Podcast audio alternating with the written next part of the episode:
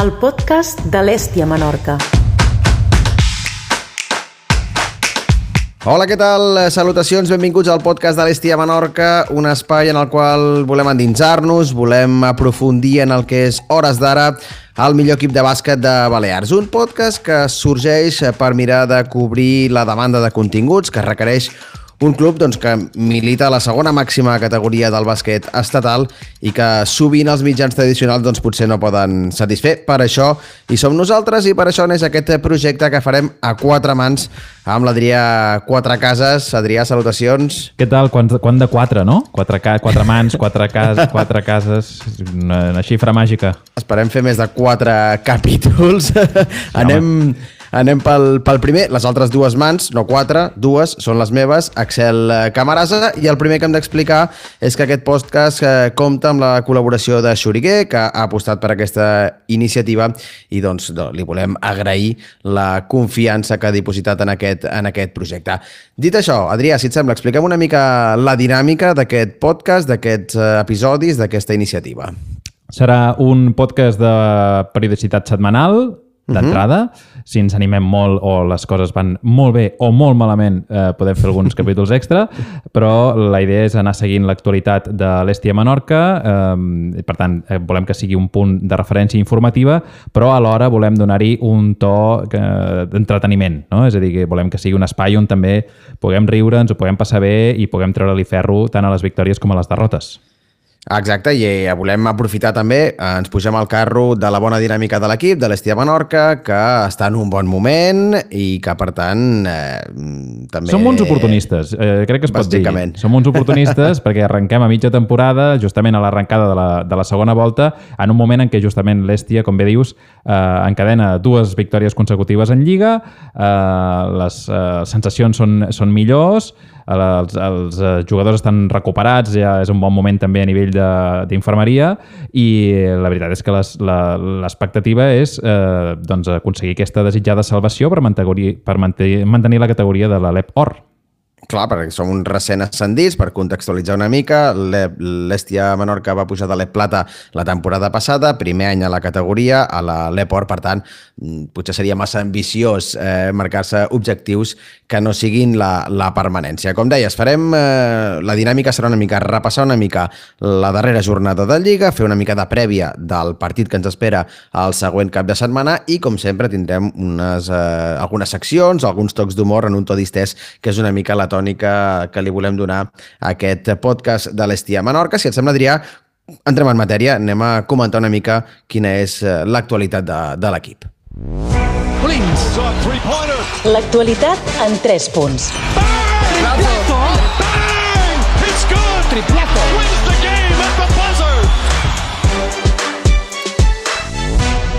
Sembla que estiguem a l'Staples Center. Això és música de NBA, eh, Adrià? Sí, una miqueta.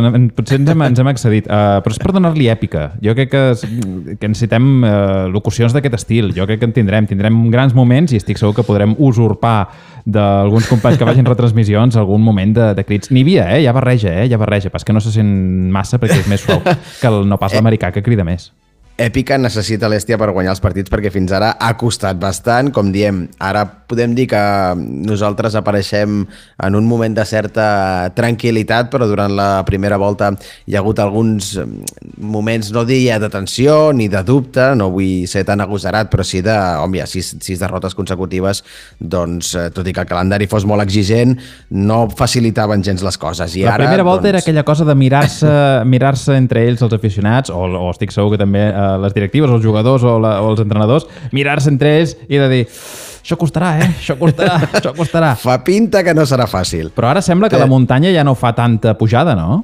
No, no, no, no. Ara sembla que ja, la, la, ja, ja hem arribat a, a, a dalt de tot, saps allò quan ets en un parc d'atraccions, la muntanya russa, mm. que t'hi puges i comença a fer clac, clac, clac, clac, clac, clac, clac, clac, clac, clac, clac, clac, que és tota la costa per amunt, que entra el pànic, el canguele. Ara som a la cima i ja només pot fer baixada. Vinga, no? va. Va, jo crec que sí, jo crec que sí. No, jo crec que hi ha raons per l'optimisme més enllà d'aquesta qüestió psicològica doncs, d'enllaçar dues victòries seguides que no s'havia aconseguit i que sembla que no, però et dona una empenta moral que també mm. és molt important en aquest esport. És un esport de precisió eh, i al final també que entri o no la pilota no només és de, de quina posició tens als peus o de com de flexionat tens els genolls. De tècnica pura i dura, I de tècnica no? pura, sinó que també hi ha una qüestió psicològica de, de realment eh, creure que allò entrarà i li afegeixo un... És una mica màgic, és una mica difícil d'explicar, però estic segur que tots els aficionats que, que hagin jugat a bàsquet saben de què estem parlant.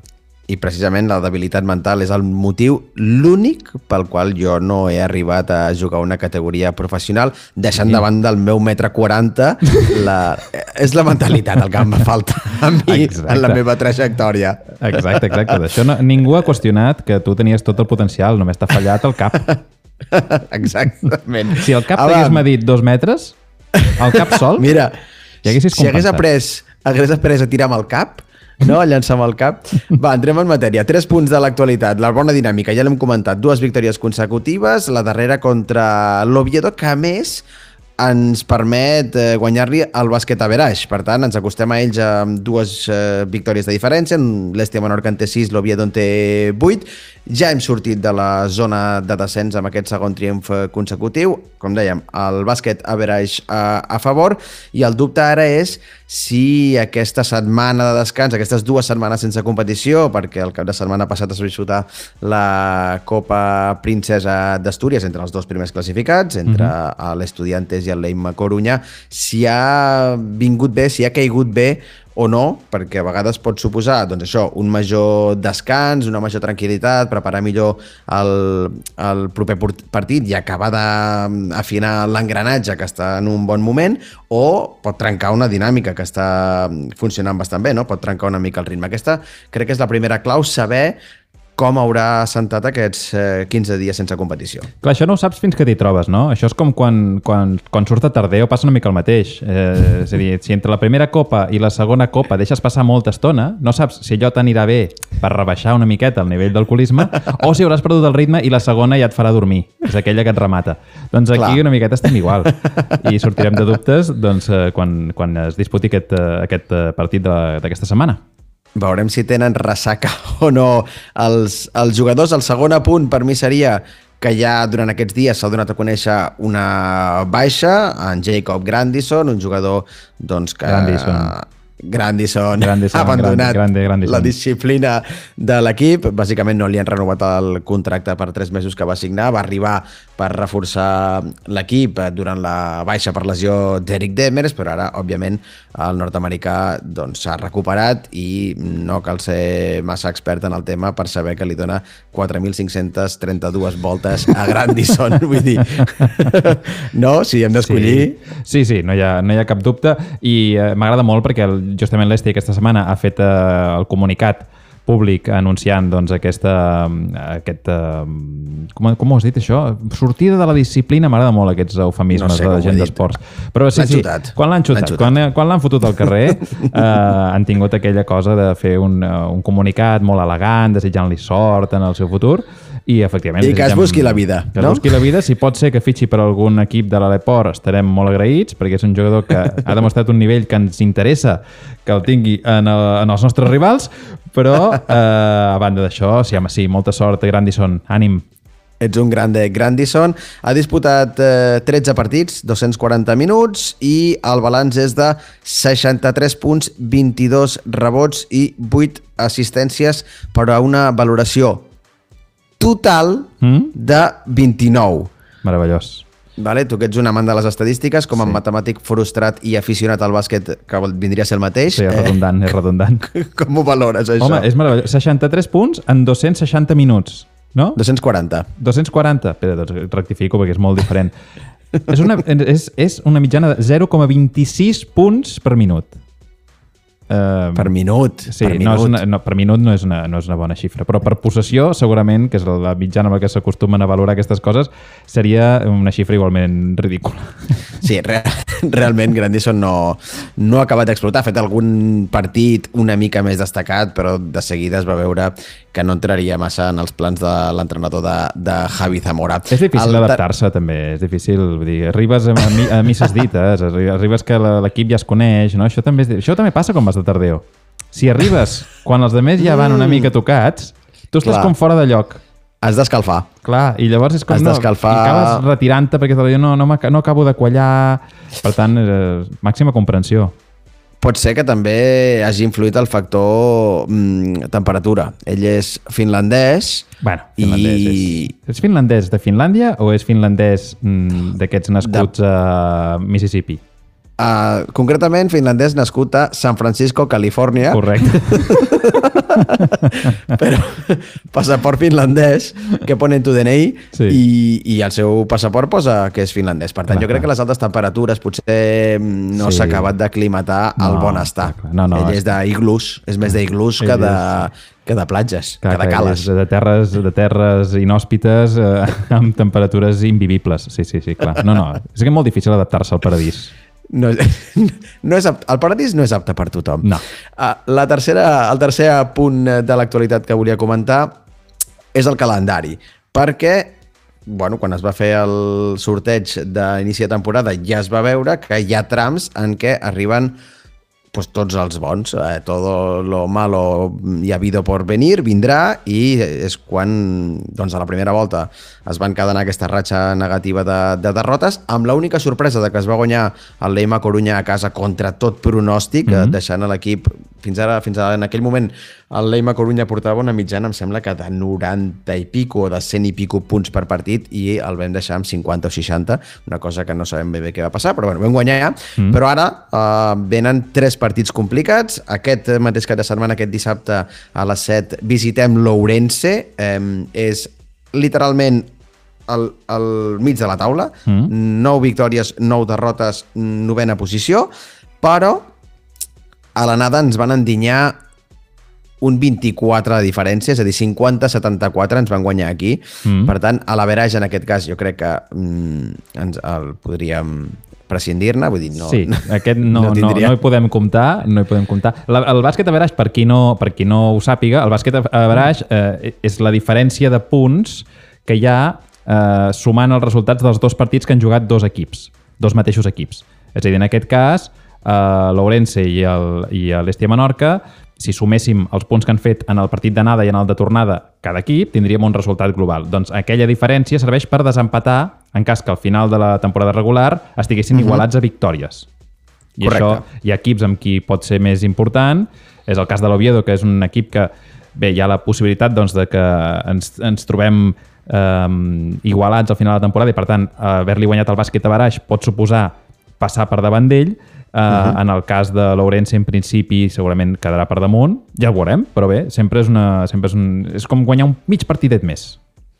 Oh, sens dubte. Jo, jo crec que l'objectiu ha de ser guanyar, òbviament, si després es posa, uh, es posa a tir, guanyar sí. de més de 24 ja eh, comença a ser complicat per molt bé que estigui l'Estia Menorca, que l'Orense també porta dos victòries consecutives, vull dir, sí. arriben en un... Però no menys tinguis una... la, la, la baixa de Grandison. Això pot, pot, fer, pot, fer, pot fer augmentar pot molt el rendiment, el rendiment ofensiu de l'equip, eh? T'imagines que Ourense fitxa a Grandison? Home, tant de bo, tant de bo. I a, a Orense hi ha un vell conegut de l'afició menorquina, és l'entrenador, Félix Alonso, perquè la temporada 2008-2009 va ser entrenador del jovent de l'Aió, vale? d'un equip de, de categories inferiors, òbviament, i després té mm, una llarga trajectòria amb, amb el Palma, amb l'equip de, de Mallorca. Mm -hmm. Ha entrenat en diverses ocasions a, a l'equip i, per tant, és un bon coneixedor mm -hmm. del, del bàsquet eh, insular i del bàsquet eh, balear. Serà el nostre rival dissabte. Mm -hmm.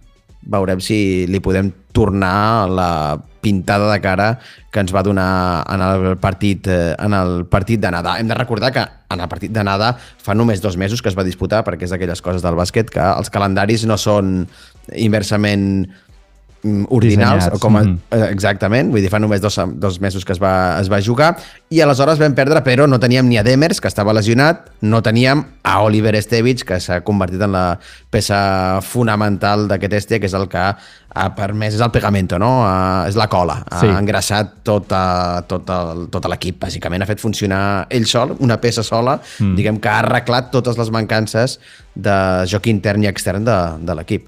Sí, perquè el bàsquet eh, no deixa de ser un, un evidentment és un joc d'equip i en què compta més l'equilibri que no pas la, la sobrecàrrega, no? I a vegades eh, mm, tenim la tentació de pensar que la suma de talents individuals o de, o de virtuts eh, individuals eh, és una suma que quadra, però en realitat no funciona així. No? I, i realment uh -huh. l'equilibri en un 5 inicial o en qualsevol combinació dins la pista eh, acaba sent molt més rellevant que no pas les prestacions eh, de cadascú per separat.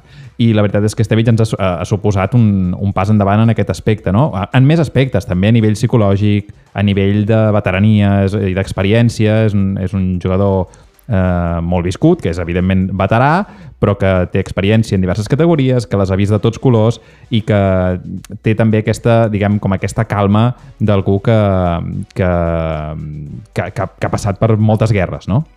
Sí, bé, del Gran Canària és tan veterà que té exactament la mateixa edat que jo, per tant, més, diríem que és experimentat, sí. diríem que és experimentat, i el que ha fet, eh, més enllà, en la meva humil opinió, de qüestions tècniques i això que explicaves tu, d'equilibris i tot això, ha espavilat mm. a molts jugadors que potser, diguem, tenen poca sang i necessitaven una empenta, no? Mm. Vull dir, els hi ha posat les piles, com es diu vulgarment, i realment l'equip, des de la seva arribada, va bastant com una moto. Vull mm. dir, està la gent molt endollada i, i a part doncs, hi, ha, hi ha qüestions tècniques que, que, que són indubtables i que no posaré en dubte el mèrit de la part tècnica, eh? però vull dir, um, sí que és veritat que hi ha aquest punt d'actitud, de, de ganes d'anar-hi, d'intenció, que suma sempre en partits que la majoria són molt igualats en aquesta categoria. Sí, i que, i que són partits que es poden decidir per petites coses i al final eh, detalls com eh, agafar un rebot o lluitar per una pilota que podria sortir uh -huh. de banda eh, pot acabar sent determinant i la veritat és que és, segurament és el el, és el punt fort d'Estevich, no? És, un, és, un, és una qüestió de caràcter que té aquest efecte contagi. Eh, jo crec que quan els jugadors més joves veuen com el, el iaio apareix a la pista i es trenca la cara... Ets, falton. Ets un falton que té la meva edat, t'he dit. Per això, per això. Eh, és a dir, evidentment és una, és una, és una persona que, que, que lidera amb, amb l'exemple, no? I, I llavors hi ha aquest efecte contagi que jo crec que arrossega. I sí, sí, tens tota la raó. Jo crec que és un, és un fitxatge encertadíssim, crec que és realment el que necessitava l'equip, a banda de l'aportació eh, particular, no? sobretot en el rebot, que seria la seva especialitat, però que realment eh, ha, ha, aconseguit això, ha aconseguit espavilar, com bé dius tu, a, a la resta de la plantilla. Mm -hmm. Després d'aquesta jornada, com dèiem, calendari complicat, ja l'Ourense jo crec que és el partit a priori més factible de guanyar, tot i que sigui a domicili, perquè la següent jornada rebem l'Estudiantes, mm, poques coses a dir, tot poderós, vigent campió de la Copa... I eh, líder actual? Líder actual amb... Mm -hmm tot eh, penjant. Mm. Eh, I després eh, visitem el Sant Pablo Burgos, actualment tercer classificat, eh, bueno, equips de la zona alta, candidats i projectes per estar a ACB i per tant, si s'ha de rascar alguna cosa de les tres properes jornades, el més factible seria rascar a la pista de Lorenze, tot i que mai es pot descartar una sorpresa, com a l'anada, com a la primera volta va ser que guanyéssim el Corunya, actual segon classificat a, a Vintaufa. Sí, i que a més a més serà el, el cas d'Estudiantes, que és un partit a casa, eh, recomanem molt a la gent que, que pugui, que s'hi acosti, que vagi al camp, eh, uh -huh. no només per animar, sinó per disfrutar, perquè realment és, eh, és un bon, molt bon nivell de bàsquet, és un molt bon equip, un històric, a més a més, eh, uh -huh. i és una oportunitat que jo no deixaria escapar. I també, com no, per venjança, perquè ells allà juguen al Wishing Center a Madrid i quan hi van a jugar a l'Èstia hi van fotre 9.000 persones. Vull dir, eh, clar, eh, és difícil fer front a una entitat eh, d'aquesta envergadura. Vull dir, mm -hmm. va ser un partidàs, òbviament van guanyar, enhorabona, ells juguen a una altra lliga, no és la nostra lluita, però si aquí els podem fer, si més no, patir una mica, mm -hmm. jo crec que, que, que seria divertit. Sí, sí, jo crec que és un partit on no hi ha res a perdre. És uh, per anar a disfrutar, jo crec que els, uh, els jugadors estaran motivats, uh, crec que això també és un incentiu, no? sentir-te alliberat de la pressió del resultat, és a dir, tothom descompta que aquí no se sumarà una victòria, però justament aquestes són les condicions que a vegades fan que el que no és favorit pugui, pugui donar la sorpresa, no? I jo crec que la, els espectadors hi han d'anar amb la mateixa actitud, amb la, amb la idea de, de gaudir del partit, de gaudir també de l'estudiantes i, del, i del nivell de joc que ofereixen,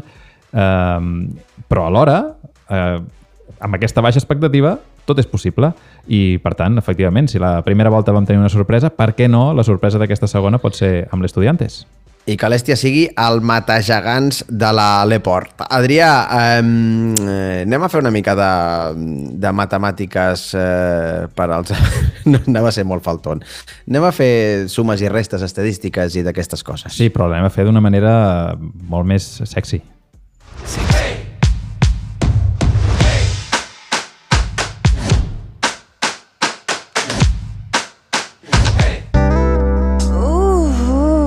L'eròtica de l'estadística. I'll have what she's having.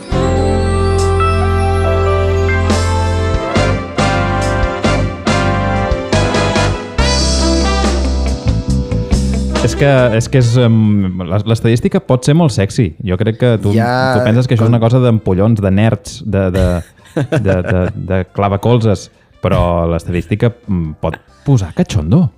Per gustos colores, diuen, no? Vull dir, eh, ja, jo no m'hi posaré amb els gustos de cadascú. A tu, l'estadística et posa. A mi em posa.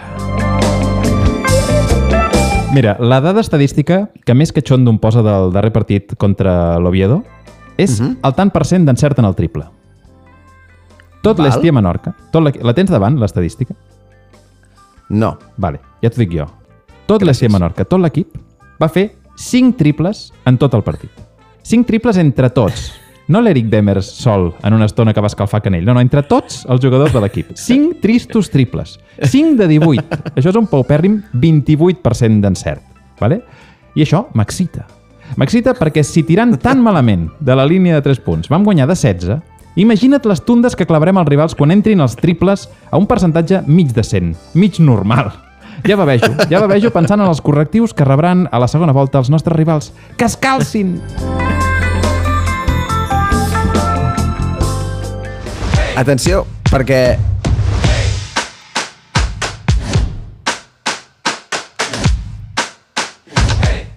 pot ser que et posi, que t'exciti no ficar-la?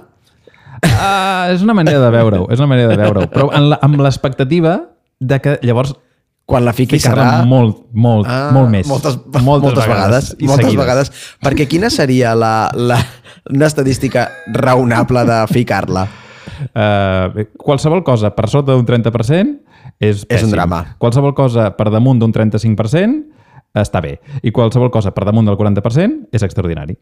Vale, o sigui, entre un 30 i un 40% seria acceptable. Un 35 jo crec que ha de ser l'aspiració. Vale. Ha de ser l'aspiració. Jo crec que justament l'Estia Menorca, els, normalment els equips petits, una de les armes principals que tenen per fer front a equips que tenen molta més capacitat física uh -huh. eh, és el tir exterior. I crec que és una part que, que la primera volta s'ha pagat molt car, la baixa d'Eric Demers, que ha estat pràcticament tota la primera volta de baixa, i que pot ser, un, i que pot ser una, una diferència important. Més el reforç a nivell, a nivell atlètic que suposa eh, Stevic, crec que això equilibra moltíssim l'equip, eh, però crec que l'encert serà vital per, per sobreviure. Qui sí que té encert, jo tinc una altra estadística, no en sóc amant, però n'he trobat una, qui sí que té encert és Clevin Hanna, el base de referència, a una altra pureta que ha vingut aquí a, a, a regalar-se, a jugar, a gaudir i a diguem, suar el mínim possible. I és que l'estadística és, atenció, en 3 dels últims 4 partits ha superat els 20 punts. Mm. Això està bé, no? Això està bé, eh, sí, i, el, i, amb, i amb, un, amb una eficiència, diguem, en un, en un, és a dir, quants tirs ha necessitat per fer tants punts no és uh -huh. una mhm. cosa descabellada. Evidentment, pel, pel rol que ell juga a l'equip, doncs eh, ell té molts punts, té molt... De líder absolut, és el rol de líder absolut. Eh? És el rol de líder, és no només jugar de base, però a més a més de jugar de base és un base anotador, no un base distribuïdor, sinó que és un base amb vocació d'intentar encistellar ell mmm, abans de, de dedicar-se a, a repartir assistències perquè els de més anotin, no? I, uh -huh. evidentment, és el rol pel qual se'l va fitxar, és, el, és un jugador que és conegut per tothom perquè fa molts anys que, que corre per, per, per les lligues espanyoles, inclosa la, la Lliga ACB, i, uh -huh. i és, un, és un jugador, és un luxe, jo crec, pel, pel Menorca comptar amb ell, i, el, i la seva tasca és aquesta, és anotar. La seva tasca és anotar i alhora també eh, liderar l'equip doncs, amb, amb, la, amb aquesta part eh, que també és una mica difícil de descriure, però que és aquesta part eh, impulsiva de quan un jugador entra en ratxa, no? quan un jugador pot enllaçar... Escalfa canell. El, escalfa canell i pot enllaçar mm, dos o tres cistelles seguides i això també té un efecte contagi. De fet, en part de la millora de l'Èstia que li hem pogut veure és que, mm, òbviament, eh, Clevin Hanna es pica les pilotes calentes, és a dir, en moments en què hi ha mm, eh, això, marcadors ajustats o possessions mm, de poc temps eh, precipitades i que te l'has de jugar, ell assumeix aquesta responsabilitat i que potser la diferència que hem vist als darrers partits amb la millora global de l'equip és que aquestes entren. Mm. Una cosa similar també que li passa a Víctor Arteaga, que eh, sempre feia bones estadístiques eh, que mirades fredament doncs són bons resultats, MVPs, molts rebots, mm, bastants punts, però ara la diferència potser és que aquests punts arriben, o aquestes assistències, o aquests rebots, o aquests eh, taps, arriben en els moments clau de partit, mm. quan eh, s'hi juguen les garrofes. Llavors, eh, doncs això és un intangible que es diu a vegades que aporta aquest valor que permet la millora global de l'equip. No? Clar, no té, no, no té el mateix pes un, una cistella o una, una bona jugada defensiva al primer quart que al darrer quart. No? Això és, és, és, tan, és, és tan evident com que en, en determinats moments del partit la qüestió eh, pot ser decisiva pel resultat final, mentre que una cosa que passa a la primera meitat del, del partit doncs és per, perfectament recuperable. I, uh mhm. -huh. per tant, eh, doncs sí, sí, té, va al doble, no? puntua doble una miqueta, no? Doncs amb els eh, líders de l'equip en, en bona forma, tenim, hem comentat a Oliver Estevich, hem comentat a Clevin Hanna, ha sortit també ara Víctor Arteaga, són els tres puntals d'aquest eh, equip, més els complements dels altres. Eric Demer si torna a agafar la seva millor versió i van ajudant tots plegats Pol Molins, que col·labora també amb, doncs, amb la seva participació, no en el cinquet inicial moltes vegades, però sí des de la banqueta fa que el, fa fa que l'equip tingui un roster interessant i que li permeti doncs, somiar amb aquesta desitjada permanència.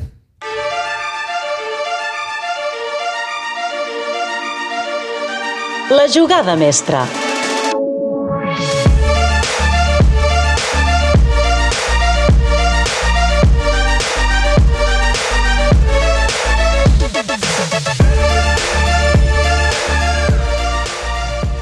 A la jugada mestra proposarem cada setmana una jugada mm, que no és ben bé de pissarra. És a dir, eh, no, no, no oferirem solucions a, eh, a nivell tècnic, no oferirem solucions a l'estaf que, que prou en sap, molt més que nosaltres, sinó que intentarem eh, pensar fora de la caixa, eh, aquella cosa de buscar solucions alternatives a les, a les previsibles. I jo, a la jugada mestra que proposo aquesta setmana pel partit contra l'Ourense...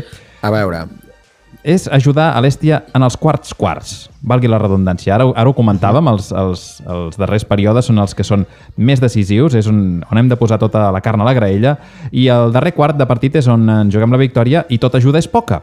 Proposo que el Javier Zamora faci sortir de titular a l'últim quart en Rookie. En Rookie és la nova mascota de l'Èstia Menorca, triada eh, per votació popular. Eh, és un ruc eh, que se li ha posat eh, aquest meravellós nom. Justament... Ai, la democràcia. No, no, la democràcia... Bé, la democràcia té les seves coses, eh, però aquí s'ha triat en Rookie i jo crec que quan tinguem feta la disfressa de la mascota, jo la faria sortir a pista un parell de minuts del quart decisiu. No massa estona, eh? Dos minutets. Però és que els rivals no s'ho esperaran. per no... despistar. Clar, per no, li hauran, no li hauran fet scouting. No, no sabran com l'hem de defensar.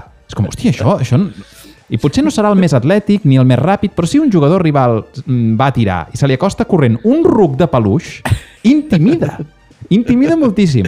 Llavors, eh, jo crec que això el, des el desconcentra segur. El seu encert baixaria en picat, en rookie a pista fent el pi a mitja possessió desorientaria els tiradors de l'Ourense. Dic que jo no li veig eh, fissures a aquesta jugada mestra.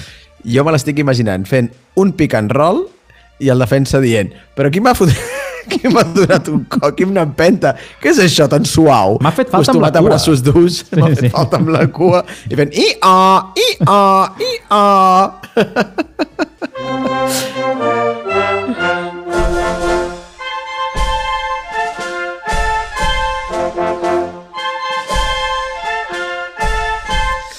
Doncs amb aquesta diguem, original i poc convencional eh, aportació. Acabem aquest primer capítol del podcast de l'Estia Menorca. Adrià Quatre Cases, moltes gràcies. Ens retrobem la setmana que ve. Que visca l'Estia! Gràcies, Axel Camarasa. Visca l'Estia!